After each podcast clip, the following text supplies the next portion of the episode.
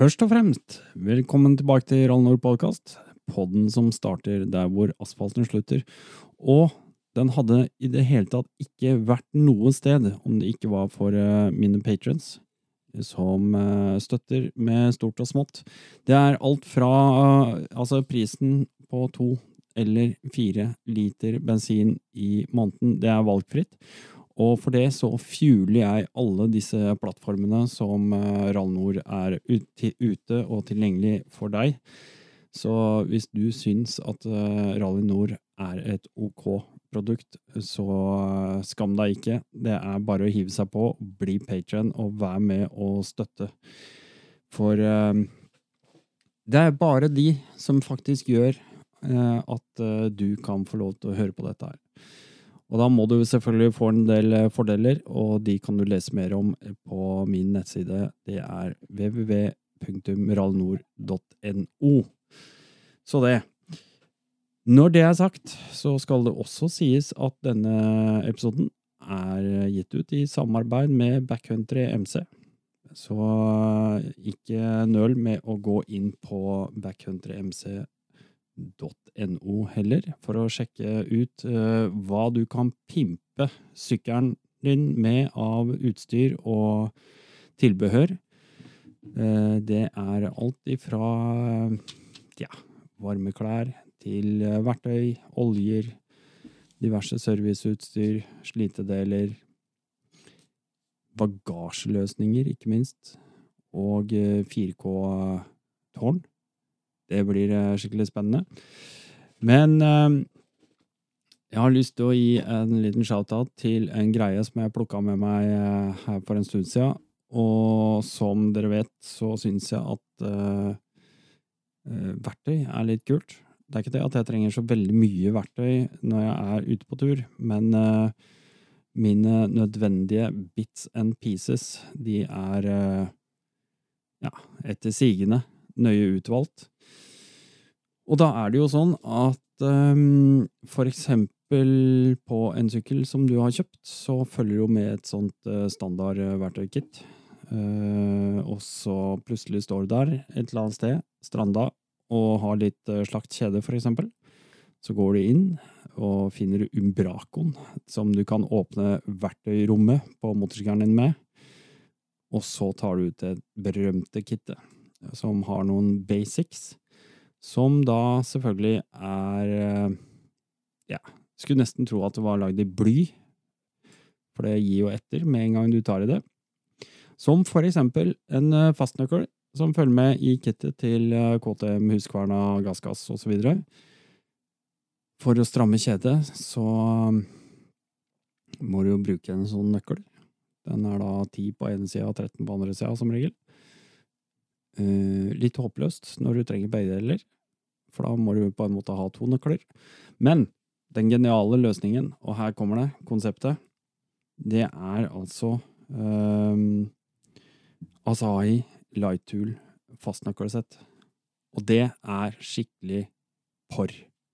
Altså, for å være helt ærlig, for det første så er det frest ut. Det er eh, såkalt eh, sånn at det er bortimot 30 lettere enn et vanlig standardverktøy. Det er smalere i kjeften, sånn at du kommer til på mye trangere steder. Og det er en fordel, fordi at ofte sitter mutteret veldig tight.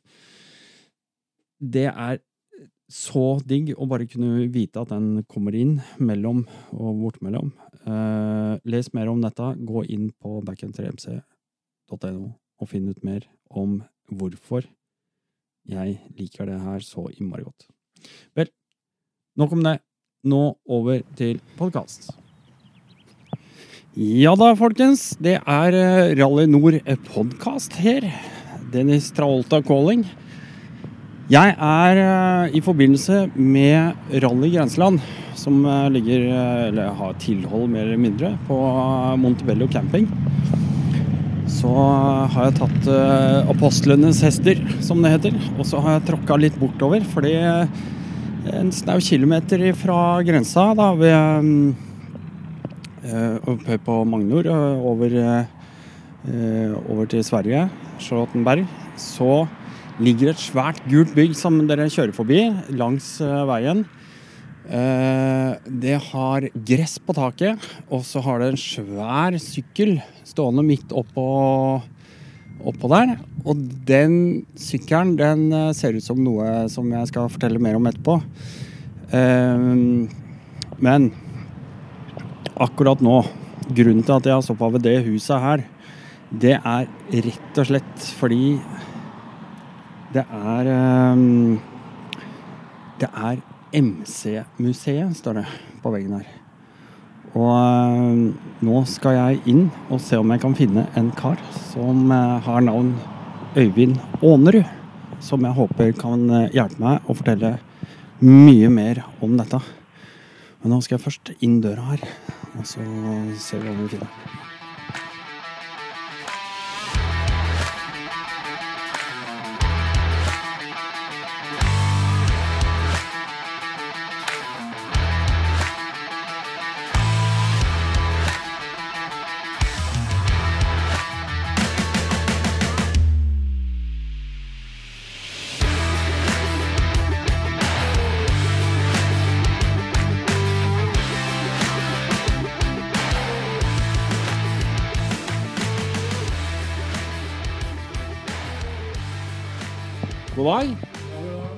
Er det Øyvind? Det er han selv du snakker med, ja. Det er Øyvind sjøl jeg snakker med. Ja, ja.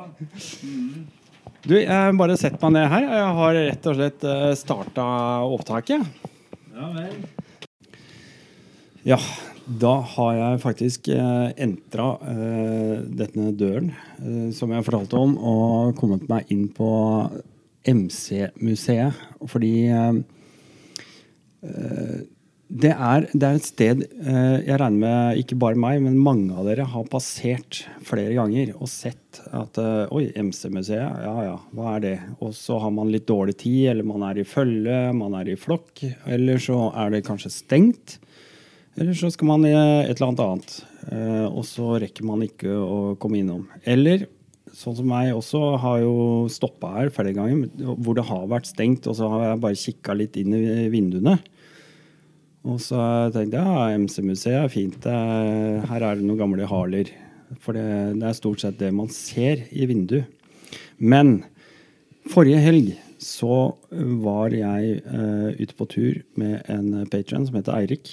Og vi kjørte forbi her, og da hadde vi god tid. Og så sier jeg du, nå tar vi og svinger innom MC-museet. Og det gjorde vi. Og så kom jeg inn sånn som jeg kom inn her nå, og det er en svær, fantastisk stue. Innreda med masse flotte, gamle møbler. Eh, à la type 60-tall og kanskje litt eh, både yngre og eldre.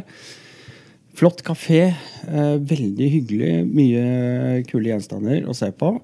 Og så Da forrige helga så, så tenkte jeg ja, vi må jo inn og se på syklene.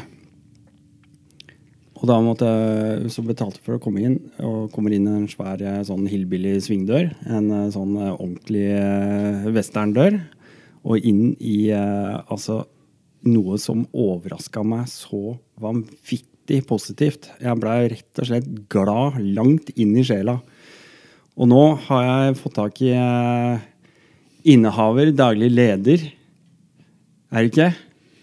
Jeg er bare en frivillig leder, frivillig, leder frivillige. Øyvind Aanerud. Eh, tusen takk for at jeg fikk komme på så kort varsel. Ja, det var jo hyggelig det, da. At de kom innom. Ja. At, de, at vi er her vi er nå, da. Ja, det, det, det var veldig gøy. fordi her tenkte jeg Jeg driver jo en lettbent podkast på lav oktan og liker å prate om adventure og rally og offroad og den type ting. Og da har jo jeg tidligere hatt et sånt bilde av at Harley det er ikke noe jeg har Det kan andre prate om, på en måte. Men når jeg kom inn her og så de sykla, da vet jeg at når de sykla ble bygd, så var det ikke mye asfalt.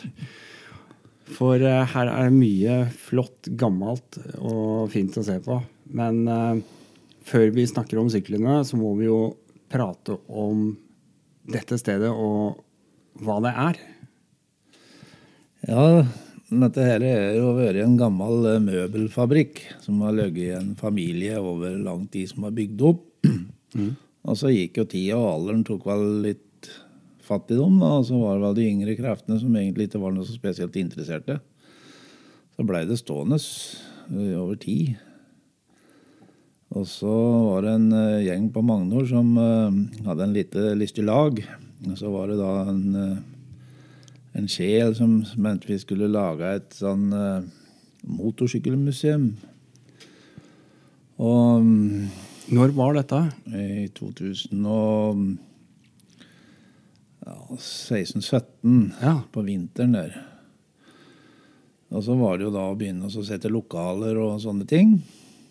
Og da var jo dette her med Finnsko-møbler en av de tinga som ble eh, kom på blokka da.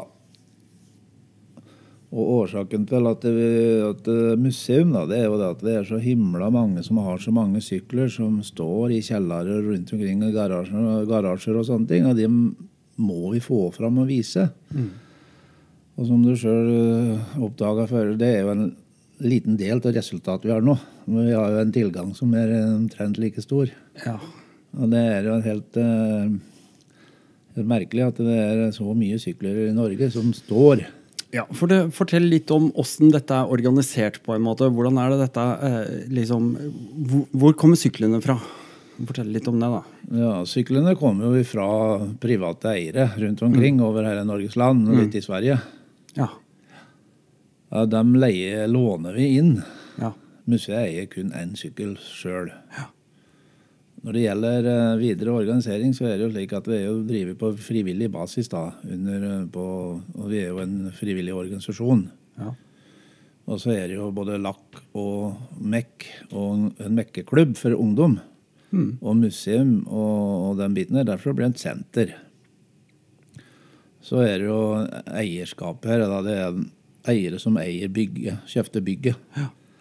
Og så er det vi som er frivillige, da, som, med, da, som driver og styrer med de frivillige og alle disse arrangementene og alt det som vi har. For vi har jo masse arrangementer her òg, Ja. i tillegg til å ha oppe da, til museet. Ja. Så i store, store og det hele så er det vel sånn, da. Så Det er på en måte et aktivitetshus i tillegg til å være et museum. Ja, det er vel det. Mer en sånn aktivitet, for å si det sånn. For at museet sjøl bærer jo ikke kostnaden. Nei. Så da er vi nødt til å drive med alle ting som har imot MC på si.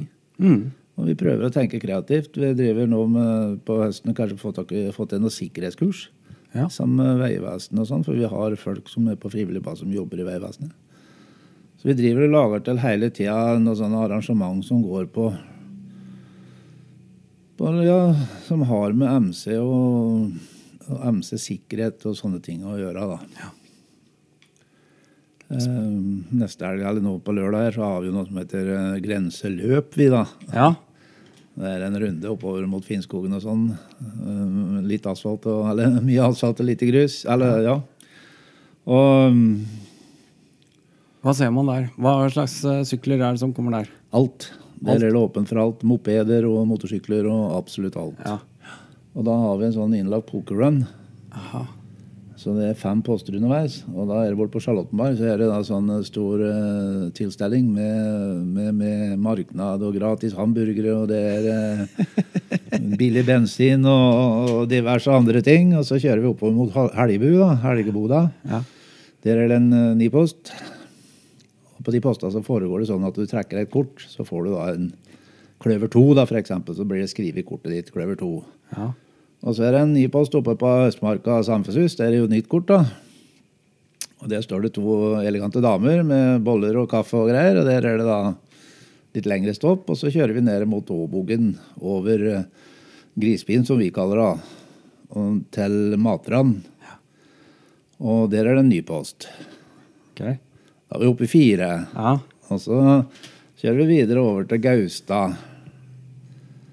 Eh, til eh, gamle Samviklaget der. Der er den femte posten. Da har du Ja. fem Da har du fem kort. ja, Og da er du den beste hånda da, som kommer hit. Den får jo en premie fra hyllen her, da. Dette er første gang vi prøver. Ja.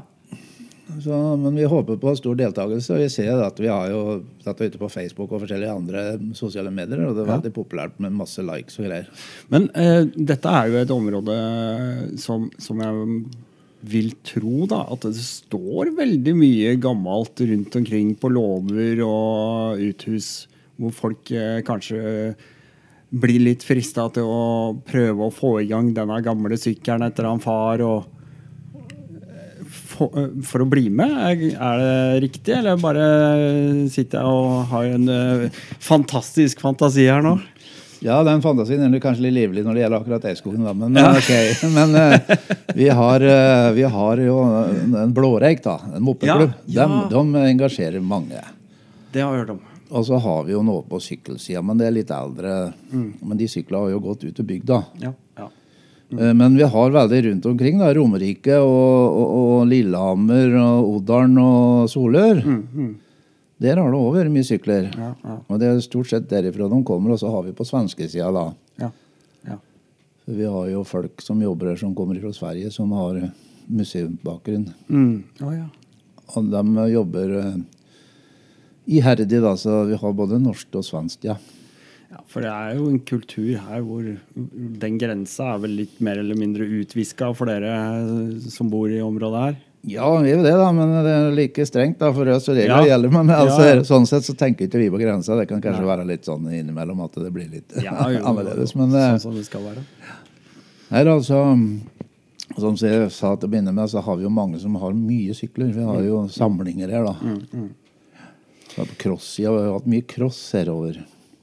Korperud og sånn, Det har vært mye sånn crossmiljø. Ja. Fra gammelt både svensk og norsk side. Mm. Ja, vi må gå inn. Jeg ser på meg at vi kan prate litt mer om det etter hvert. Hvis vi kommer oss inn på en runde. Ja, må det, vet du. Vi må, må det. Så vi har jo bygd opp, vi brukte altså et år da, på å bygge opp hele museet her. Vi hadde, hadde frivillige, da, en 30-30 stykker som jobber mm. hver torsdag. Ja. Og så er det jo noen som har engasjert seg mer, og noen som har engasjert seg mindre. For alt er jo bygd opp. Det var jo et åpent rom her, da. Ja. Så toaletter og kjøkken og, og Da kan du tenke deg, det skal jo vann inn og vann ut og forskjellige sånne ting. Så det er jo masse jobb som var gjort, da. Ja. Ja. Mens disse søylene som du ser, det ble sånn som ble laga i trappa der. Det er liksom det gamle fabrikksproduksjon som står igjen. da. Og så har vi, vi har et eh, veldig flott klientell her for, som har en stor vennekrets. For vi får i stort sett det vi vil. Ja. Vi må se på disse her eh, kjøpmannsdiskene. Ja, for det er mye fantastiske gamle møbler her. Ja. Det er sånt som nå dessverre blir mindre og mindre av.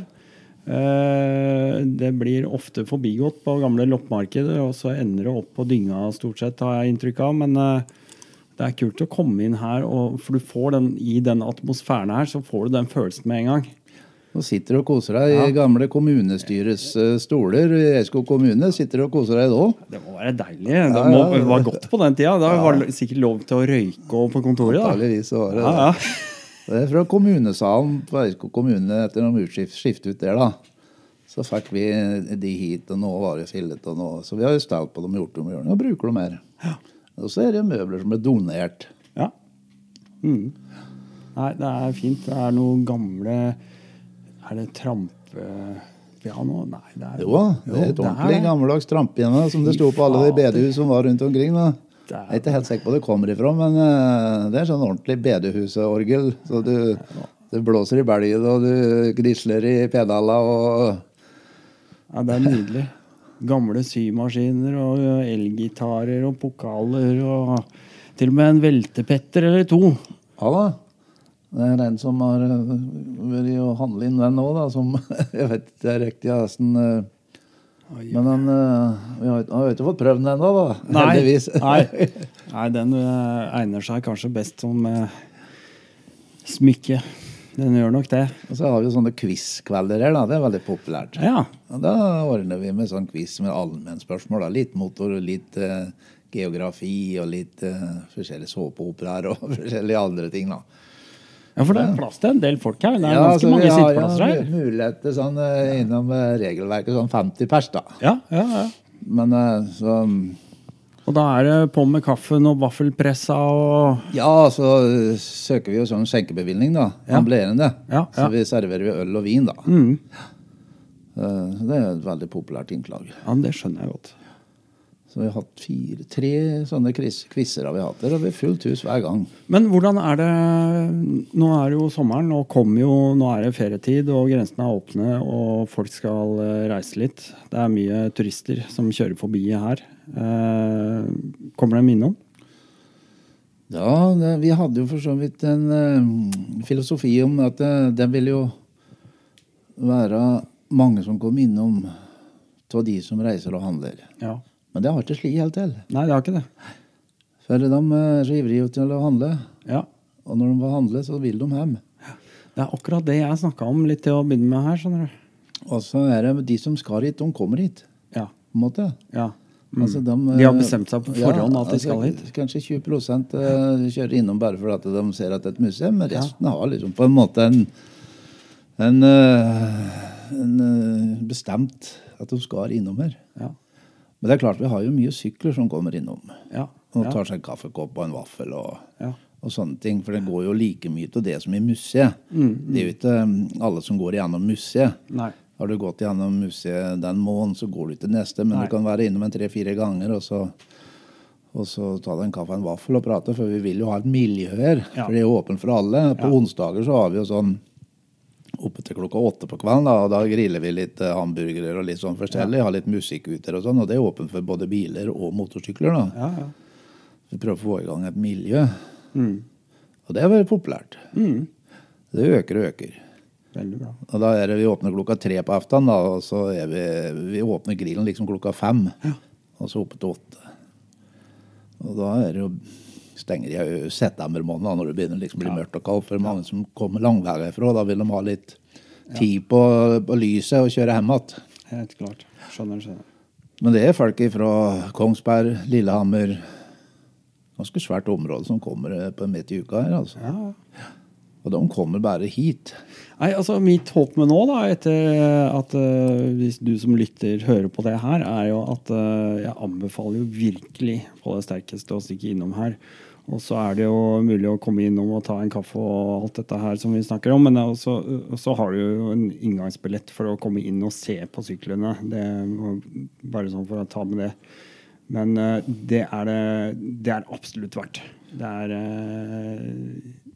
så mye kult å se inni der, og ting som du kanskje bare sitter og sikler på på YouTube, eller så vidt har sett noen bilder av i et eh, ja, gammelt blad eller en bok eller et eller annet sånt. Altså, det her er spennende, altså. Også, øh, men vi, vi må gå inn og prate, for jeg, jeg har sett så mye ting der inne som, som er så mye mer, da. Som skaper øh, så mye mer enn bare det å se på sykler. For det, det er gjort en betydelig innsats her i forhold til å liksom eh, skape miljø rundt syklene også. Ja da, det er mye tanker og meninger og diskusjoner og opp og ned og att og fram for å få dette til. Og, og vi har jo en filosofi om å bytte ut en del sykler, så vi stenger jo i januar da hvert år. Ja, ja. Da gjør vi og vasker ned og, og omdisponerer litt på sykler og flytter om. og Ja. så vi er, Men vi er en ganske bra gjeng som driver her, som har mm. Mm. Det blir ikke ja i alle leirer Nei, nei. med en gang, men eh, vi kommer til en enighet, og så blir det, og så syns vi det blir bra. da. ja. Vi, er stolte av museet vårt. Ja, det skjønner jeg veldig godt. Eh, Jeg tror ikke det er så mange, mange, i- Det er ganske svær omkrets hvis du skal eh, finne maken. Ja, det er jeg jeg er jo ikke en sånn type som renner ned på museer, heller. Men når jeg tenker på museer, så er det jo liksom sånn der Nasjonalmuseet, og så har du Krigsmuseet, og så har det Det er mye sånn derre organiserte og statlig subsidierte ting, og liksom eh, samle historie fra Ja, ikke sant? Sånne type ting. Men dette her er jo et privat engasjement som som jeg ser at dere har dratt i gang ordentlig. Da. Ja, i høyeste grad privat. Er privat tvers igjennom. Mm, mm. Vi har noen aksjonærer da, som, som kjøp, kjøpte aksjer da, men i byggeperioden der. Eller så er det organisert som en frivillig organisasjon. Ja, ja. Utenom disse kommersielle som driver på Ja, for det står SMC. Hva, hva Det står er? Skandinavisk Motorsykkelsenter. Riktig. Det er senteret. Ok. Mens museet og mekkeklubben og kiosken og det er liksom en egen eh, del av senteret. Ok. ok. Mm. Bare så folk eh, ikke Ja. Ja, nei, For det står jo begge deler ute. Gjør det ikke det? Står Ja, nei, SMC det, også. det er, eh, skal stå Det er jo Skandinavisk Motorsykkelsenter. da. Ja. Det der med museet er jo en fersk eh, sak, egentlig. Kanskje en måneds tid. Måneds, måneds tid. Ok. Vi or- omorganiserte det, da. Og så har vi jo en supporterklubb, da. Ja. Den, eh, det er 1. juni til 1. juni. Ok. Et år. 1000 kroner. Ja. Får du gratis kaffe og, og sånn når du kommer her. Ja, Og så inngang til deg sjøl, da. Ja. Så da kan du komme og gå som du vil Ah. det året. Så nå er vi i ferd med å Og så sende ut Vi har jo ganske mange medlemmer, da, faktisk. Mm. Så nå skal vi lage nye medlemskort og sende ut og håpe på at vi får med oss et år til, da. Og det er, ja, det er klart, på vi må jo ha en penge for museet, for det koster å drive. Det skal jo, vi har jo strøm, og vi har jo alt som alle andre har i et bygg. Ja. Vi skal jo, Det koster liksom, vi skal kle ut disse sykler, vi skal lage sånne foldere, vi skal gjøre alt. Vi er nødt til å ha litt penger inn. Og vi tar 150 kroner inngang, og det syns ikke vi er så gærent. Du ser liksom på rett på bensinstasjonen, og så kjøper deg pølse og brus, så er du oppe i den samme summen. Ja. Og for de som er skikkelig interessert, her kan du surre og gå i flere timer. altså. Det er, det er ikke noe Ta med deg noen kompiser, og så blir det garantert stående for hver halvannen meter og prate og fortelle historier og slarve om den gang husker du han og det, det, det, blir, eh, det blir veldig god stemning, tenker jeg, hvis man bare tar med seg venner. Ja, ja. Vi, eh, vi måtte bare bytte litt batterier, så skal vi prøve å pense oss inn på, eh, på tracken her igjen. Men eh, ja da. Det er som sagt ta med guttegjengen og Eller vennegjengen. Det er gutter og jenter, dette her. Altså. Det her er bare å komme inn. Kaffe, brus og is. Ja. Vaffel har vi egen oppskrift på, den er helt knakende god. Ja. Den er det nesten, Når de får smake på den, så må de ha en til. Ja. Så det er en helt spesiell oppskrift på. Ja, det er herlig. Ja, ja, apropos vafler, jeg må ta en digresjon. Jeg var på sånn fotballcup med eh, gutta en gang. Og da ble jeg kjempeimponert, for da var vi litt ute på landet, og da sto to damer bak på kjøkkenet. Så hadde de en sånn ordentlig Bosch-drill med støpsel, og så hadde de en sånn sementblander. Og så sto de bare og røra. De sto med sånne, sånne skikkelig stabler med egg. Og knerta i tilitersbøtter Okay. og røra ut. Da var jeg imponert, altså. Ja, Vi har jo noe som heter klassisk eh, race på travbanen som går for biler og motorsykler før 1970. Ja. I fjor så laget 12 liter vaffelrøre, og det var tom på to timer. ja, da går pressa. Da går pressa. Ja da. Det er bra butikk, da. Ja, det er hyggelig. Det er hyggelig. Du, så, uh, skal vi bevege oss litt? Ja, Vi kan prøve det. Ja det går fint, ja. Prøve å holde disse her, eh, litt i disse ledningene, for ellers blir det så mye sånn skur og lyd. Du, først så kommer vi inn her, og så eh, Ja, skal vi beskrive litt, da. Det første jeg veit her, det er at det står en flakmoped på innsida av døra. Ja, Det er en såkalt Magnor-moped, Ja, laga her på Magnor. ja. I sånn rundt 58, ja, 97-58. I sånn 50, drygt 50 eksemplarer. Ja. Det var en som het Oddvar Høgberg som startet den, med Per Løken som litt finansiær. Og han Per Løken var en kjent figur her på, fra Magnor. Oh, ja. Begynte å reklamere tidlig, han. Men så kom jo, ble jo denne bilrestriksjonen oppheva Ja. i Norge da rundt på 60-tallet. ja, for du måtte ha løyve. Måtte ha løyve vet du, før det. Og da ble vel dette kanskje litt uh, stusslig i forhold til en bil. Ja. Og da ble det vel ikke marked igjen. Nei. Så, men dette er vel den eneste som er komplett. Og den er Veldig fin. Ja, og han har skivebremser. Ja, tenk på det. Da hadde de mekaniske skivebremser. Det er eh, Altså Hvis du ser på eh, det, da. Ja. Bensintanken. Ja, ja, ja. Og så er det laga til praktisk til å ha med seg lange materialer. Herlig. Så de tenkte tenkte praktisk. Yes, yes. Det Det gjorde de. Du, nå kommer vi inn, og så er det altså en eh, sånn hillbillyport her. Og da kommer vi inn i et uh, område som vi kan uh, egentlig se litt uh, hvis man myser gjennom vinduene fra utsida. Eh, jeg tror at mange som meg har tenkt uh, kommet hit når det er stengt, og så ser de ja, det er noen gamle motorsykler. Tidligere tror jeg kanskje det var litt mer Harleyer her, men her er det Altså Noe av det første jeg ser, og dette er interessant, det er Nimbus og gamle kakelosrøret. Men det som er kjempekult, det er at dere har en ordentlig gammel Nimbus. Ja, den derre Den er jo eldst, Ja. den med kakelen. men den der, der er jo en sånn skulesja-sak. For du ser han er jo Ja. gjennomskjært i, Ja. i girkassa og motor og sånn, så det er for å studere bevegelige delene inni. da. Ja, ja, ja. Så det er vel sånn opplæringssak.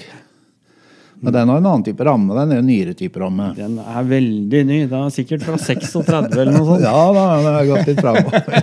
ja, for den der er vel fra 28. 23 er den ifra. Ja, og det, der er det med bensintanken i ramma og full pakke.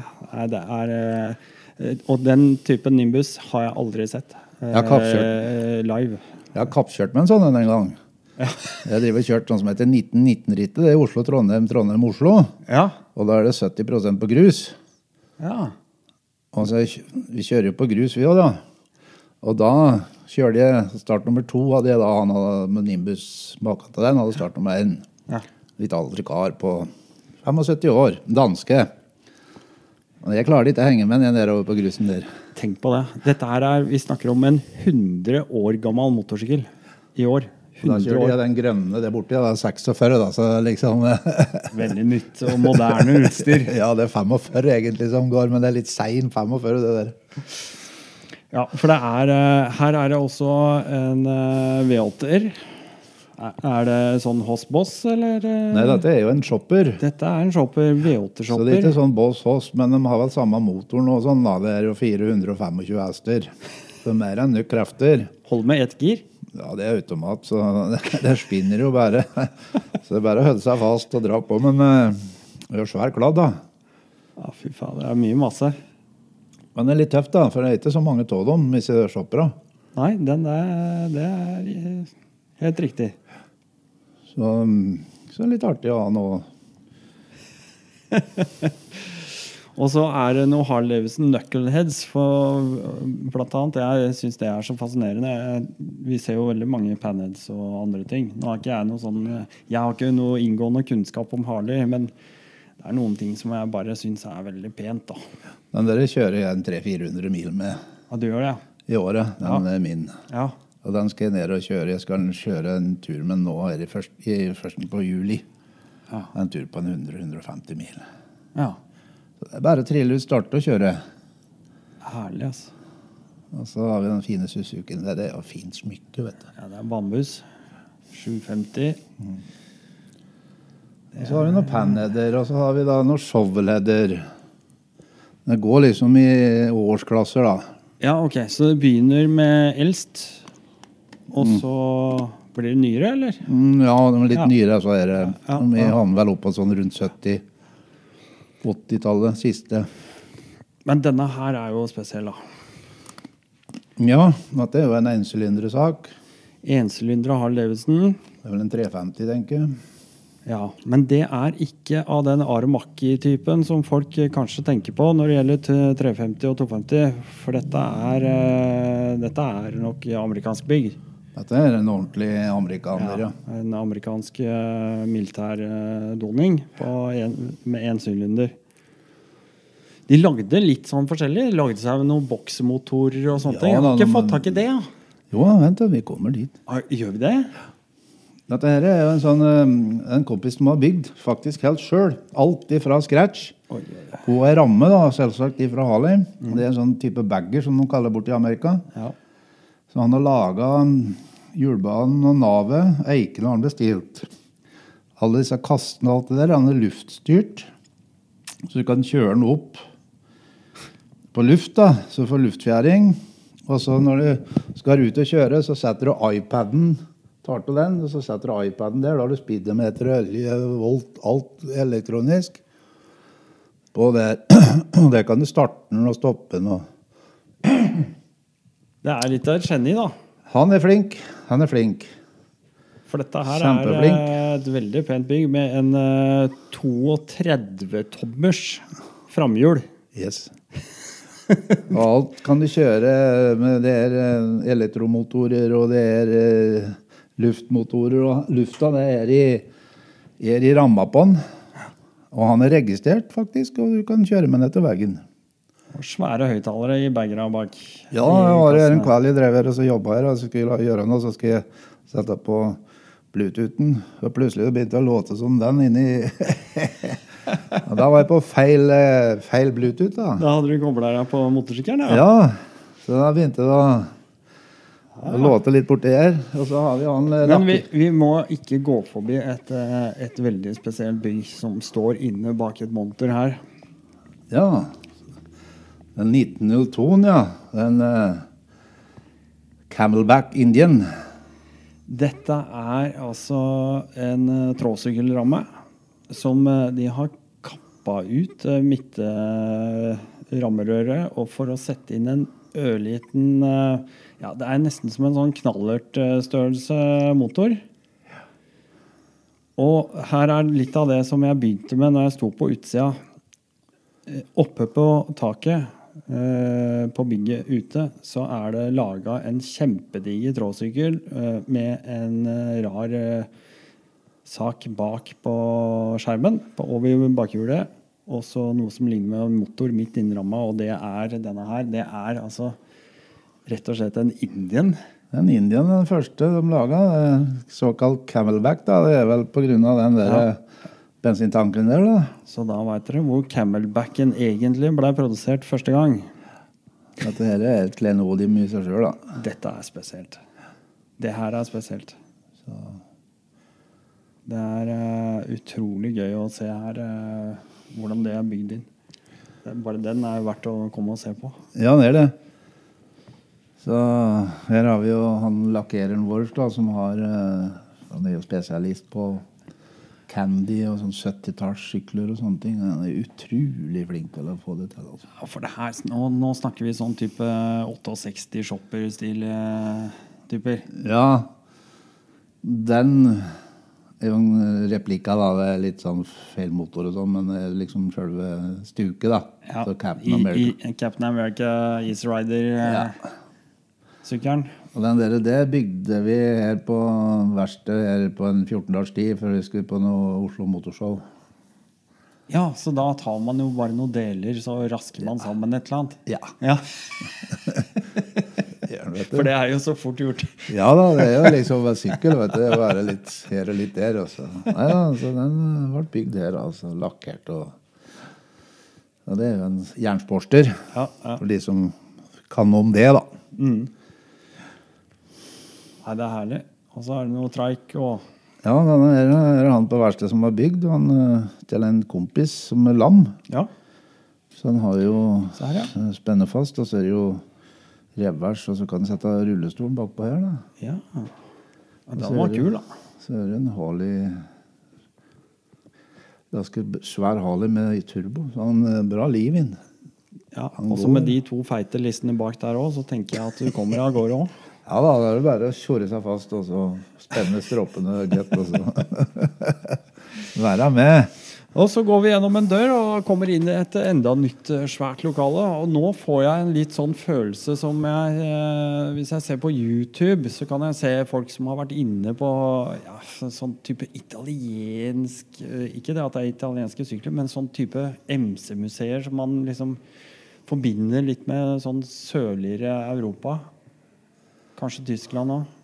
Ja, her, her har vi jo holdt på å si av de alle europeiske land som har produsert sykler, tror. Det er, eh, det er jo japansk her, men på den sida der så er det jo italiensk, og det er jo spansk, og det er jo Ja, for det her er det altså engelsk. Det er så mye. Det er eh, alt fra Bineller til Yamaha og Kawasaki og uh, Matchlesser uh, Ja.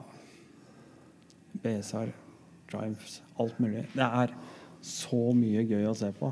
Og for folk som kanskje på den tida her ikke sant, Yamaha 100, LS2 Ja, ja, det var jo en Folk populær som var ungdom på den tida der. 75, kanskje.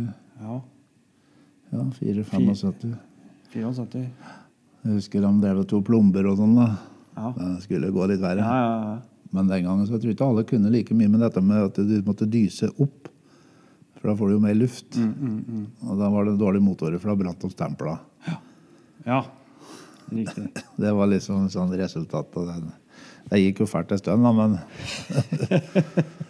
Her, altså, her har vi Kawasaker, eh, tresylindere i, fleng og Suzuki. Den der 500, det er min favoritt, egentlig. Jeg synes det er en veldig pen, et pent smykket og sykkel. Ja. Eh, ER 125, som eh, var mange gutters våte drøm, husker jeg. På min Ja, ja. eh, tid, i hvert fall. Benelli med framoverliggende sylinder. Ja. Dette er gøy. Sjelden vare. Og veldig sjelden vare. Det var ikke så veldig mange, tror jeg, som eh, Nå skal ikke jeg si at jeg kjenner historien så innmari godt, da, men, eh, men altså Jeg har jo selv en eh, 350 Armaki. Aha. Og den også var det jo framoverliggende sylinder på. Eh, de er jo da ofte kalt spagetti Harler, fordi at de ble produsert i Italia. Og det var jo fordi Harley Davidson var eh, De På 60-tallet så kom det veldig mye japanske sykler til USA. Og der var det jo nærmest bare Harley som hadde regjert alt av sykkelmarked. Og, og de hadde ingenting å, å komme med når det gjaldt eh, små kubikk. Nei. Så de begynte å bli litt nervøse for dette her, at eh, de skulle bli utkonkurrert av japanske sykkelmerker. Og så var de eh, jaggu nede i Italia, og der var det noe som heter Armacchi. Eller heter. Og de, de eh, var i ferd med å gå konkurs. Okay. Hadde lagd masse motorsykler. og flymotorer, hvis ikke jeg husker feil. Det var vel egentlig det de drev med først. Og så eh, tenkte Harley at eh, nei, men vet du hva, vi kjøper oss inn her, vi. Så redder vi dette her. Og så lager dere de sykla med Harley Davidson eh, støpt inn i sidedekslene, og så med Harley Davidson på, på sida. Ja. Og dermed så kom det en hel haug av de. Uh, og det som er uh, historien med Harley Davidson og Armachi, det var at når de kom til USA, så ble, solgte det som varmt hvetebrød. Det var det folk skulle ha. fordi de som da ville ha små sykler, de Ja, ville jo ha amerikansk, selvfølgelig, først og fremst. Poenget var det, vet du, at eh, etter hvert som dette røyk, så var det noen clutch-vaiere, og så var det noen deler, og så var det noe drev, og så var det noen kick-overganger og litt sånn. Så var det ikke en del å oppdrive. For det er noe italienere på et eller annet tidspunkt ikke kunne noen ting om. Så var det distribusjon. Ja. ja. Så at eh, det fantes ikke deler. Og dermed så blei alle de syklene plassert ute på låvene. Og nå står det altså et hav av sånne sykler rundt på Ja. som aldri kom i gang. Men nå begynner det å bli litt populært med Armachi igjen. Men det som var gøy med Armachi, de hadde også framoverliggende sylinder, da. Bare for å ikke glemme det. Og det eh, De vant eh, tre Grand Prix. Det var i 67, 68 og 71, tror jeg. Eh, så vant dem med 350 og 250-klassen. ja. Og fordelen med framoverliggende sylinder var at du flytta bevegelig masse framover i kjøreretningen. Og dermed så unngikk du den sentrifugalkraften, som vi kaller det, da, når du skal ned i svinga og sånne ting. For det stempelet som går rett opp og ned under eh, tanken, det, det, det, det er veldig tung, seig masse når du skal flytte ned og legge deg ned i svingene. Så det var litt av eh, tanken. Ja. Utrolig morsomt. Ja, ja takk for, eh, takk for eh, innføringa. Da har jeg fått med meg det. Ja, nei, altså, det er klart at det var jo omtrent som eh, Vi ble fortalt det forrige uke at den derre Goldwingen Ja. i Japan så var det visst maks kubikk eh, 600-700. ja. Og da flyttet de fabrikken til Amerika. Var det derfor de gjorde det? Ja, For at de hadde noen restriksjoner på kubikken i Japan. Aha. Så da måtte de flytte Golvin-fabrikken til Amerika. er det derfor de bare har lagd den derre For de lagde jo en sånn silverving, som var den derre tverrstilte hvetvinen. Det er 500 kubikk, er det vel? Ja, det kan kanskje være noe sånn Mm. Her har vi sånne dødsmaskiner. altså er, eh, Ja, dette er rått. Kawasaki tresylindere totakter. Da skulle du vel helst vært stroppa fast. Ja, det er jo sånn bakhjuls mest eh, det eh, Men det har blitt veldig populært i drag racing. Jeg ser motorene nå. Ja. I den classic dragbiken. Så det er vel en seks-sju stykker som driver med så er det nå og laborerer. Og de, de leder jo liksom vinner. De kjører jo Kjører jo ti sekunder og ni sekunder med dem. ja, for nå får du tuna dette skikkelig med moderne utstyr og sånt i Ja, ja. tillegg. Så får du tuna dette på en helt annen måte. Ja da. Da er det bøllete. Er det noe skipsmotor, eller? Honda sekssylindere. Det er en svær motor, da. Det er breit, altså. Ja. Det er fin lyd, da. Ja. Jevn og fin. Ja. Fint. Veldig fint. Er dette en kar fra Honda eh, Classic Klubb eller noe sånt som har stilt ut, da, kanskje? Jeg er ikke helt sikker på hvem nei eieren er her, men eh, Nei. det er avdeling for Honda. da. Det der var populært. da, vet du, sånn dere De hadde i, i Sverige fikk kjøpe sånn uh, racingsett. da, sånn, Racing kit. Kle om, ja. Så Ja. det ser ut som en skikkelig kaféracer. ja, så det Mm. er hel eh, alle- eller glassfiber. Bare slappe på og skru fast, og så har du Det er CB 500. Mm. Ja, og CB 750. Ja. ja. Honda Monkey er jo klart. Det er jo en selvfølge i et sånt museum som det her. Det er mye fint annet her, og jeg må bare ta med den her. For at den, den eh, så jeg eh, sist jeg var her. vet du. Dette her er altså en BMW R, R65 GS. Og det er vel kanskje ikke noe sånn super wow med, med GS-en eh, lenger. Den er vel eh, kanskje mest solgte sykkelen noen gang, nesten. Men eh, BMW R65, den er det ikke så mange av. Skjønner du? Nei vel? R80 og R100, ja. Men R65, der ble det Det er bare noen hundretalls. Altså. altså Kanskje noen tusen, 1500 sykler eller noe sånt som ble laga, tror jeg. Jeg har ikke tallet i huet, men det er ikke så mange. Så den der er ganske Det er en sjelden modell. Ja. Mhm. ja. Vi hadde jo tre sånne med forskjellige farger. Ja, ja. Mm. Blå, oransje og hvit, tror jeg. ja. Nei da, det er Men nå har vi bare den igjen. da. Nei, altså, ja, er, som står oppe på hylla, er jo helt den der betaen jeg har aldri hørt om. Ikke. nei det Det er er noen pri, pri, premier. Jeg har aldri, aldri hørt om. Det er en del sånne Men det er spanske greier, vet jeg. Ja, det er crossykler, da. Cross- og endurosykler eh, av veldig tidlig årgang. Dette er vel kanskje noe 60-talls et eller annet sted, Ja. tror jeg det ser ut som. Sånn på stilen, i hvert fall. Men eh, Beta og Ducati, Premier Ducati Cross er vel liksom litt sjelden, det òg. Ja, ja, ja. ja. La Verda, for La eksempel. Verda er fint. Jota. Det der er en ordentlig klassiker. Og så her står det faktisk en sånn uh, spagetti-Harley her. Dette er en AMF Hard Davidson Armaki. Dette er en Z90. Dette er 90-kubikkeren. da. Han blei jo lagd i 90, eh, 125, 250 og 350. Ja. Er det forskjell på høyden på dem, da? Ja, dette er, dette er jo en liten sykkel. Det er jo en lett sykkel, da. Eh, det er fra 12 til 16, dette, så blir det fra 16 til 18, og så fra 18 og Sånn er det. Og så står det noen flotte sykler oppi her òg. Indian med sidevogn. Ja. Er det, skal, det- er noe sånn småtteri på den, så vi skal prøve å få tatt den i, altså få gjort den i stand. Så har vi Nisse Hedlund, da, vet du. Det er jo svensk eh, crossbygger, mot, særlig på motorsida, da. Aha.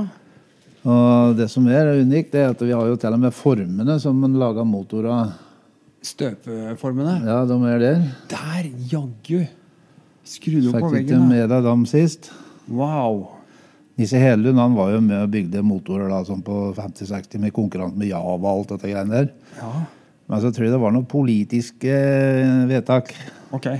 Da ble det et eller annet som var feil med denne motoren her. Så Java tok plassen og fikk da et eller annet sånn politisk. Jeg kjenner ikke historien helt, men eh, det ble meg fortalt at det, at det var noe sånn. Dette er en eh, skikkelig kul sykkel.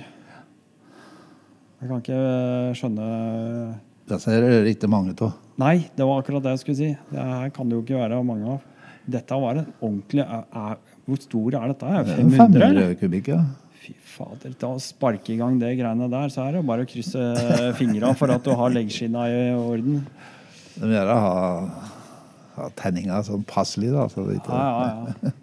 Altså, er denne samlingen her, da, det er jo han Bjørn Rotheim sitt. Han er en kjent eh, gammel crossfører i Norge. ja for her er det mye Huskvarna. Det er bare Huskvarna. Mm. Kun Huskvarna. Og det er så gøy å se. Huskvarna med svingarmsgaffel foran og greier. Så er det jo Trond da, på lakkeringa vår da, som har vært og pussa på dem. da, Flere av dem, så de er Ja, fine og flotte. Skikkelig flott ut. Så dette her er vel en helt unik sak. dette. Den er flink. Den. Jeg vet ikke hvor mange det er produsert av, ja, men det er, det er Flink, ikke- en svenskprodusert. Flink 20 stykk 250X. står det produsert i Åmål. Wow. Det er spesielt det der med at kjeden går gjennom ramma. da. Ja. Og der sitter tanken også i ramma. Alt sammen er integrert eh, som en ramme, liksom. Dæven, det var tøft. Spesielt. Veldig spesielt. Montesaer og Ja. Her, ja. Der er han Jannis. Han har jo sin, sine sykler der. Han er jo vært norgesmester og Det er en gammel eh, Maiko Er det Maiko 500, antagelig? Det var altså Maiko. Jeg hadde, alle unge hadde jo lekehviler ute i sandkassa. Og jeg hadde noen lekebiler, ja, men da var det med svære hjulbuer. da. Det skulle være med firehjulstrekker, alle bilene mine. Men eh, den, den favorittleken, det var faktisk en, eh, en Maiko 500, hvor, hvor det var fjær bak. Så jeg kunne fjære når jeg hoppa i sandkassa. Det var, var der allerede Jeg var da. der allerede da, ja. Bultaco og Chilera. Fy fader, så mye kult, altså. Så har vi noe litt spesielt enn her, da. Den derre den der Kreidleren der. 50, 50 kubikk. Ja. 76-modell eh, dragbike. Nei, det er baneracer, dette. Er det baneracer? Kjørte en bane? Ja. Aha. Denne går jo drøyt 200 km og varver vel en 16 500 omdreining. Ikke det så? 16 000 RPM, ja. Ja. På 19,8 hester og veier 65 kilo. Top speed. Toppfart 220 km i timen, og da snakker vi om en 50 kubikks tørrkløtsj Å, fy søren. Engine. Liquid cooled rotary disc valve. Single cylinder. Two stroke. Jeg tror det viner fælt i Å, fy fader. Den der hører du, vet du. Ja. Og så er det noe som jeg syns er noe av det mest sinnssyke. Det er altså eh, For alle som har eh, fulgt med litt, så har de sikkert sett noen klipp fra Isle of Man, blant annet. Og det er jo helt sinnssykt hvordan de folka kjører Isle of Man. Det, det må jo være kanskje det mest hodestupsløpet i hele verden. Men her er vi altså inne ved en uh, sidevognsracer. Og det kan altså ikke være noe som er verre enn det. For den topp slipper å kjøre en solosykkel. Altså. For her er det to huer som skal jobbe samtidig. På brøkdel sekund så skal de utføre og hverandres uh, oppgaver for å få denne doningen fram. Og de kjører nesten like fort. Og hele sykkelen er ute mer enn maks en halvmeter høy. Det er altså noe av det mest sinnssyke jeg kan tenke meg.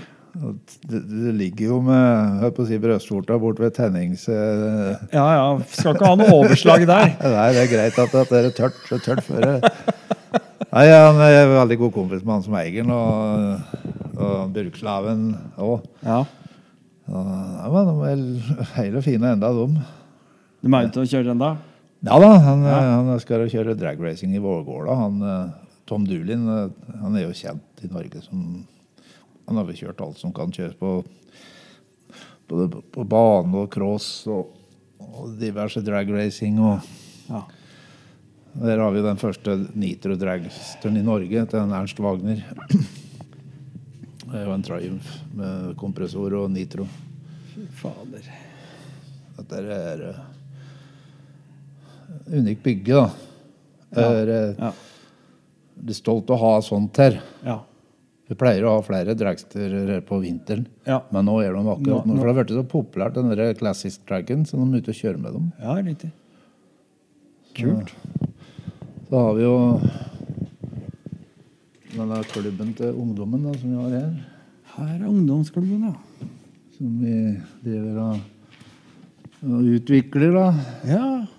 Men her er det fint. Her er litt sånn dreibenker og litt sånn søylebor og litt sånn maskiner og utstyr. Ja, I det får gjort. Så har jo gjort uh, det mulig med veldig mye flott verktøy. Ja. Nytt sådan. Ja, for de holder til bygget ved siden av her, eller noe sånt. Ja. Mm. Da må være veldig til å hjelpe til. Dette må jo være helt gull for uh, ungdom som har lyst til å gjøre noe. Ja, det er vel sånn her i verden. Det er ikke alle som liksom liker ski, fotball og sånne ting. Og lekser. Og lekser, ja. Nei, det er liksom det er eh, sånn det er. motor og skruing. Og... Så vi har en seks på blokka vår som er her og skrur. Ja. Veiledere som er med dem da, oppe hver torsdag fra 5 til 20. ja, dette er helt nydelig. Sånn litt pølser og brus og Ja. is og litt sånn forskjellig. Det er helt supert. Så ja, Vi skal male og gjøre litt mer, men vi må få inn litt Det er så vanskelig å få støtte til Vi har fått litt til da, til Lions og litt sånn forskjellig, men ja. ellers er det sånn dere Spesielt eh, Her har vi jo noen sånn eh, lokalhelter, da. Ja. Det var jo en eh, Leif Aanerud, Gunnar Hagerud og en Leif Våli. Ok. De har jo vært sånn norgesmestere i- 50-tallet. Da Da var jo dette populært. De kjørte på Dælenga på Snakker vi langbane nå, eller? mm, Ja. Ja. Noen, Eller bane, iallfall. Om det var langbane, vet jeg ikke. Men det kanskje var det den gangen. De kjørte på Bjerke og Ja, det er, da er det langbane. Ja, Så dette er Mercilesser, da. Mm. Så en uh, Eriksen på Kongsvinger som har restaurert disse her til det som kanskje er finere enn de var, men eh, det er sånn de var da på 50-tallet. Jeg ser jo bilder av Gunnar Hagerud. Han var jo en kjent bilmann etter hvert, særlig på Volvo-sida. Så vi, har litt, vi skal ha pokaler og greier, så vi skal bygge opp litt mer her, da. Ja, for vi må jo si litt om det. Altså, det er jo ikke bare sykler, som jeg sier. Her er vegger og alt sammen er jo dekket. Det er jo omtrent ikke en ledig flekk å se på de veggene her. Det er bilder, det er gamle klubbdrakter, og det er eh, sånne klesdokker med autentiske, riktige kjøreklær. og det er eh, svære bilder og plakater, historiske bilder. Det er eh, skikkelig mye fint. Og så kommer vi her nå til en uh, Bultaco. Nei, dette er en Java isreiser. det er Javaen. Sorry. Dette er en ordentlig VM-sykkel. Jeg har vært Ja. med han uh, Jo Sætre heter han som eier. Han uh, kjører isreising. Han er vel den eneste i Norge som kjører på et uh, høyt nivå. Vi har vært borti i Russland eksempel, før krigen. Da. fire ganger han er Ja. langt inn i Sibir og kjørt isracing med dette greiene her. Det, Og er, kjørt EM og VM. Det er noe pigg på de uh, hjula her. Dette sitter som eh, det skulle skrudd fast så lenge det sitter. Og når det ikke sitter, så blir det sånne, sånne greier som på bildene der. da. Ja. Det slipper så fælt. Så det, Å, fy fader. så det har vært mye fine turer sammen med han da bortover innover, innover Moskva. Da har vi liksom kommet hjem en tredjedel av turen, og så er det videre innover. Og da er det Russland, da, vet du. Det er mye opplevelser. Ja, har kjempemye opplevelser. Kunne ha hatt en hel pod bare med det. Ja, vi var der 14 da, 10-12 dager i slengen, vet du. Den kjørte en 350 mil en vei og sånn. Det er rått. Ja, er 35 kuldegrader og Og så kommer en av drømmesyklene mine. Det er altså en BSA Goldstar. Det er en sykkel jeg gjerne kunne tenkt meg å ha. Fint at det, er, det der det med aluminiumstank og Ja, fy fader. Sånn skulle jeg gjerne hatt, ja. Så har vi disse småmopedene våre da, som er, eh, du kan ha med deg som håndbagasje nærmest, og så ta deg en tur i campingen med. Ja, dette her er Altså, alle har jo sett monkeybiken, men dette her er jo noen sånne små pocketbikes som ikke jeg har sett noe før, i hvert fall. Det er eh, Hvis vi ser for oss monkeybiken, da, den kjenner jo de fleste til. Den selges jo faktisk ny i dag også. Så er det Kawasaki og Suzuki. Og så er det en artig sak her som er sammenleggbar. Ja. Dette er det merkeligste jeg har sett. det er den. Hva er dette for noe? Valmobil. Dette er uh, Sykkelen ble produsert tidlig på 60-tallet i omtrent 3000 eksemplarer. En Valmobil. Dette her er altså det merkeligste jeg har sett. En bitte liten pocketbike som du bare kan brette sammen. Det, det var gøy. Og så denne her, da. Ja, det er denne vi snakka om nå. Så Ja. har vi den dere. Det er jo en uh, Di Blassi. Ja, okay. En 87. Ok, Nå var det jeg som uh, bomma, Ja, for det er så mye skilter her. så jeg Det leser er på feil. eh, bare et lite hakk opp. Ja, Så, men han blir ikke svære greier nå. Det er nærmest så du kan få med deg handleveska, vet du. Men uh, Valmobilen, det var denne, det. Med Ja, det var en sånn den kasse hvor allting ligger inni, da, eller? Ja, du plasserer det inne i kassa der, ja. Så kan du åpne, så er det akkurat som et lokk. ja. Ser ut som du kjører rundt på en kjøleboks med hjul. ja. Nei, det er moro. Og så er det så gøy da, at folk kommer hit og tenker at å, har dere lyst til å ha sykkelen min stående her? Ja, nei, det er sånn det er. Hæ? Ja, jeg har en uh, meget spesiell en sånn, sier de da. Ja. Har de lyst til å ha den? Ja, ja, ja. Så tar vi det, skriver opp det, og så har vi et lite møte, og så Men vi har jo måttet sagt nei òg, da, for Ja, ja. det er jo sånn at det, vi hever jo nivået. ja, ja. Dere bygger opp, Ja. på en måte. Mm. Litt artig at dere får innslag her av gamle duktelt og ja, holdt på å si eh, snipesker og det som er. ja. ja det er, eh, Det, det liksom skaper liksom eh, den eh, atmosfæren fra, fra den tida. Inni teltet. Ja, jeg ser det. Jeg tenkte eh, Men det må være to veldig kortvokste. Ja, nei, det er klart. ja. Det var vel kanskje litt kortere før i verden. Ja, det var nok det, vet du. Her også. Her har vi sånn bowtrack, da. Ja. Det var populært sånn på 20-tallet. ja. Kjørte på trebaner. Mm. Eh, De kjørte vel en 180-200 km i Kjørte vel fire-fem timer på sånne Fader, det er, De sykla der er det ikke gasspjell ikke brems. Ett gir. det er bare av og på. Skyver dem i gang, og så er det bare å Så starter den, og så bare ruser den opp, og så forsvinner den, og så har du ikke noe mer kontroll. Nei, da bare henger du på. Da må du skru av motoren, rett og slett. Ja, da tror jeg må gå tom. Hjul. Det helt, eh, men det ble jo så veldig mye ulykker av det, vet du. Ja, For dette er spesielt. Dette er altså en Harl Davidson. Dette er en, En uh, peace shooter, da. De har jo så korte rør. 350. De hadde jo med doble overliggende kammer og forskjellig med fire Det var så mye varianter. for Det var jo Indien og Harley som drev og sløss om Ja. Det var med å være best, så få marked vet du, den gangen òg. Det er ikke girkasse engang. Det er bare en transferkasse. Rett og slett ikke noe mer. Og så er det to korte rørstuser ut som eksosrør. Er, de er på ca. 20 cm med en liten bøy, så du får slått løfta nedover. Mm. Bakover. Og så må du Det manuelt spesielt, altså. eh, den med litt olje innimellom, da, så du får Ja. eh, litt eh, så ikke den skjær. Skikkelig Reodor Felgen med bare en sånn pumpespak på sida, ja. Fy fader. Altså, er jo en, den der er jo registrert, da. Den er jo en den. Thomas Lindern oppe på Flisa på Flobergshagen elektromek. De har bygd denne sjøl. Så dette er jo en mer sånn kjørbar sykkel, men det er jo en uh, halvtopper dette på 1470 kubikk. Ja, ja. Han har kjørt på isen, for vi driver og kjører litt på isen om vinteren, oppe i Årsunda på et kjempestevne der. ja. Han har vært med der. Og kjørt med den. Jeg driver jo og lager ny tank. Den var jo omtrent som du skulle skutt på den med hagla. Det var jo en million høl. Ja. Så det var jo bare ringa rundt tankeløkk og litt sånn småtteri. Så vi har laga helt mye tank til den. Ja. Jeg også har en til som vi driver innpå her. Ja. Så nå blir den For Får du klar. restaurert og, Ja da. helt ja. mye sånn pumpesystemer og rør og greier. Vet du. Det var Ja, ja, helt opprust. Så har vi en avdeling for eh, ja, Dette er gøy. Nei, dere har rett og slett bygd en, et uthus, et garasjeuthus. Ja.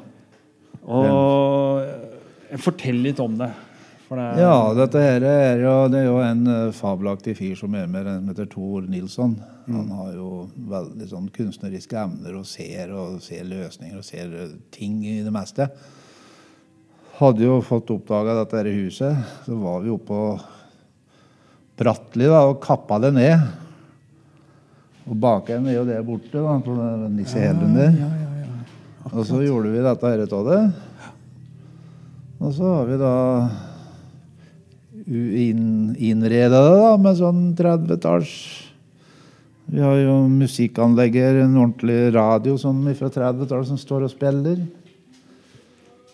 Sånn eh, Her er det god stemning. Altså, det er sånn Du kommer inn, så henger gamle verktøy henger rundt omkring på veggene. Og det er litt sånn gamle skilt og oljekanner i blikk og Det er fint. Det er skikkelig forsa. for eksempel, den, eh, den er jo autentisk, da, ifra Nå husker jeg helt riktig, men det er fra 30-tallet. Den sto jo her på Hol på Skøtterud.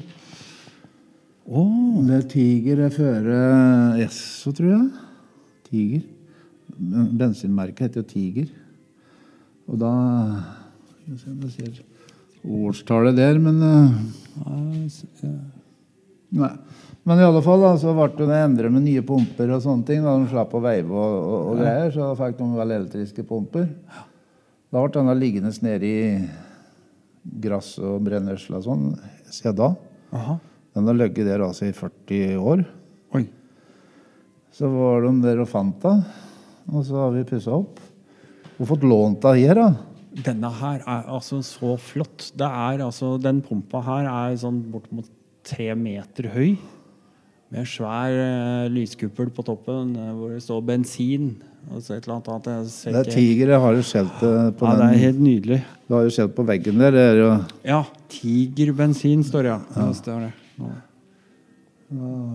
er dårlig bare å få bevart alt dette. Nei, det er fantastisk fint. Og så så godt den passer inn her. Jeg syns det er så gøy at det, når folk har én og én ting rundt omkring, så få det samla. Altså, lag et helt inntrykk. Til og med gulvet er jo belagt med Ja. grus for at det skal være litt sånn uh, ute Her, ja. Ja, for det er jo, Nå er vi litt inne på det jeg sier. Altså, disse syklene her de kom før asfalten. altså. Mye av dette her. Det, Iallfall her i Norge. ja, Og det er derfor jeg syns dette her er midt i blinken for uh, Rall Nord-podkast òg. Det er eh, helt nydelig. Så her og, har vi den sykkelen som museet eier. Ja. Historien rundt den det var jo litt sånn grovt fortalt, så er det jo, han er fra 1939. Han har aldri vært montert. Han er sånn som en Sånn som den er nå, da. Aldri, Det ligger motoren og alt det ligger jo i varekassa. ja. Eh, familien eh, solgte vel sånne før krigen, og så ble det krig, da. Og så var det vel forbud mot noe krigsgreier tysk da, etter, fra nye tysk etter krigen. Og så ble det noen generasjonsskifter og eierskifter og litt sånn. Og så har han vært med helt fram til eh, vi ble spurt det for et par år siden om vi ville kjøpe den. Selvsagt. Den måtte vi jo bare ha. Selv om koronaen holdt på å ta knekken på oss. En Rikse 98 kubikks eh, saksmotor, som, altså hvor motoren ligger i, i kassa enda, det er, eh, det er helt fantastisk. Det er, helt, det er aldri brukt. nei, aldri montert ting. Og så ved siden av her så står det noe veldig spesielt. Nå kan jeg ikke si hva slags merke det er. For det det er en. Harley Davidson. Er det en Harley Davidson? Yes. Er det det? Det er sånn som kongen har en makan. Det her er spesielt, for dette her er en, en boksmotør som er ikke tverrstilt sånn som vi er vant til å se den, med en sylinder ut på hver side. Du har en sylinder framover og en bakover, faktisk. Og da kan jeg bare se for meg at det ble fort skjæring på den bakre sylinderen der. Men eh, Lova litt i le, ja. ja, ja, skal helst ha sidevind. ja. det er sant. Kjøres kun i sidevind. Ja. Nei, det er gøy. Det har jeg aldri sett før. Jeg, så jo sykkelen her forrige helg, men jeg har ikke sett eh, aldri sett bilde av en sånn eh, Harley. Ja, det er eh, han som egger dette eh, Ja. Han har, vi kommer jo innover i Asieriket her, og det er jo Stilig. nærmest uh, Nærmest litt sånn eh, Jeg har en historie her, en sykkel her. Jeg vet ikke om du fikk med deg det når det var sist, da. Men denne sykkelen her har jo trefelger. Jaggu. felger av tre. Eh, Det er motorisert sykkel. da. Sånn som trent som den der eh, Camelbacken. Er bare litt seinere utgave. Så Sitte og telje disse der ringa der da, for å få dette til å være pent og rundt. Men de kunne lage ting i tre før. Før var de veldig flinke på hånd. vet du. Ja. Ja, ja. Men da snakker vi, altså. Her snakker vi. Karbilampe. Ja, ja. Dette er eh, et klenodium. Det er mange som går forbi den, men ikke, som ikke vet og ser. av Nei, dette. jeg la ikke merke til den sist. Men vi er litt, det er litt sånn som vi sier, at eh, vi tar jo en penger for å komme inn her. Ja. Men uh, vi må jo sitte og lage alle disse skrive og skrive ut Ja, ja. og skrive og Ja, ja. sende rundt og ordne og styre. Og det tar tid. Og nå vi ligger liksom på limit da, hele Ja. tida, så må vi Mm.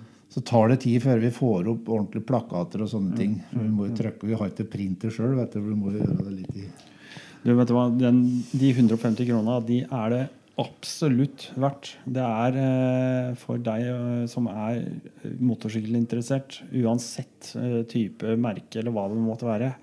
Her må du bare ta deg en tur, altså, for dette er gøy. Det er eh, absolutt gøy. Det var det. Da, da, da har vi gjort oss en runde, da. Da har vi fått en runde, ja. På Kommer vi inn i en liten eh, butikk. Her er jo også noen gamle kjøpmannsdisker og litt sånn forskjellig. Og så eh, har det litt sånn litt kjøreutstyr og litt sånn Ja, småtteri. Litt bling til sykla og ja noen T-skjorter og litt av hvert. Kjøreklær og hjelmer og Ja. Og hvis ikke vi har inne, så er det jo bestilling da. Det er en tre-fire dager, så har vi det på plass. ja. Men litt sånn hjelmer og gode jakker og sånne ting, da har vi til å kjøre Og regntøy og litt sånn Mange som er litt sånn på tur, som må Ja, liksom ja, ja. ja. Mm. Du vet hva, dette her har vært en uh, kjempefin uh, runde. Ja, Jeg er uh, veldig takknemlig for at du tok meg imot på så kort varsel, og at vi fikk til det her, altså. vi skulle jo snakka en time til, du og jeg, da. Hvis vi, Ja da, men det kan godt hende at vi klarer å få til det seinere, vi. Ja, vi har jo masse mye igjen, da. Ja, vi Vi har har jo jo ikke vært på toaletten ennå, f.eks. Skal vi ta en tur på Ja, vi må jo det, for det Ja, ja, synes jeg det er jo ja, ja. enda Norges mest fotograferte toaletter. Ja. Men da tar du toalettet til høyre, da. Nei, jeg går til venstre.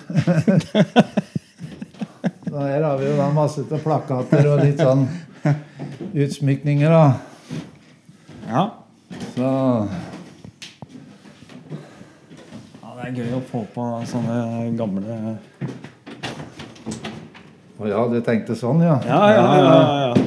Jeg fikk ikke, tok ikke den helt, ja. Ja. ja. Så Her er det jo altså en eh, kunstnerisk eh, sjel som har fått eh, frie tøyler til å innrede toaletten. Og det er jo, det er jo gøy, da. Ja, nei, det er en Tor Nilsson da, som har vært, vært arkitektur her. Og det er Moonshine, og han må vel fylle på, ser det ut som. Men Ja, ja, nei, ja.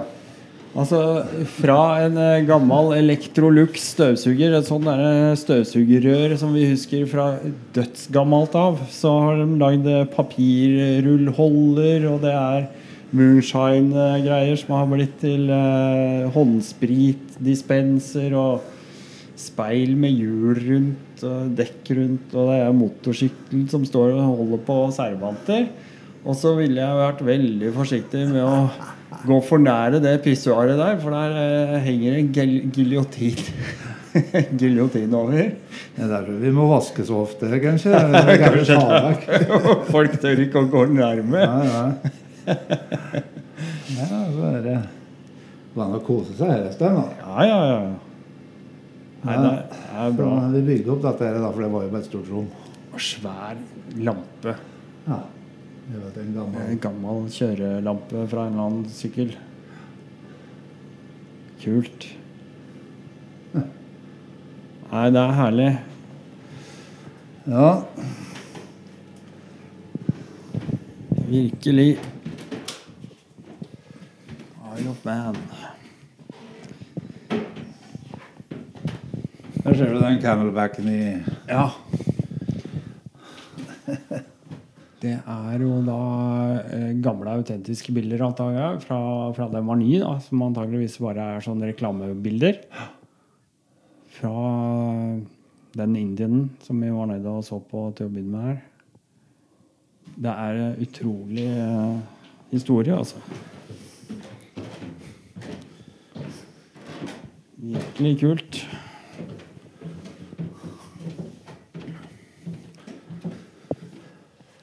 Veldig bra. Du, jeg eh, må bare eh, oppfordre alle til å stikke bortom. Og nå skal jeg bort tilbake til Montebello, og der møter jeg mye likesinna folk. Jeg skal oppfordre alle om å stikke en tur innom eh, hvis de har mulighet i løpet av helga. Ja, det må bare komme. Nå åpner vi jo på morgen klokka tolv. Og da er det oppe her hele helga. Ja, jeg veit jo folk er opptatt av å kjøre. Dette er jo ikke et treff som vi bare sitter og, og, og ser i bålpanna. Vi er jo faktisk ute og kjører hver dag, så folk er opptatt av det òg. Men, eh, men jeg skal absolutt spre dette her. Det har vært en uh, virkelig glede å få lov til å, å se. Altså. Yes. Tusen hjertelig takk. Bare hyggelig. Bare hyggelig. Så håper jeg på at dere får uh, solgt mye iskrem, og at det kommer mye kunder innom. Ja, Eh, fortjener det. Tror tror på en god sommer. Alt i orden. Takk skal du ha. Hei.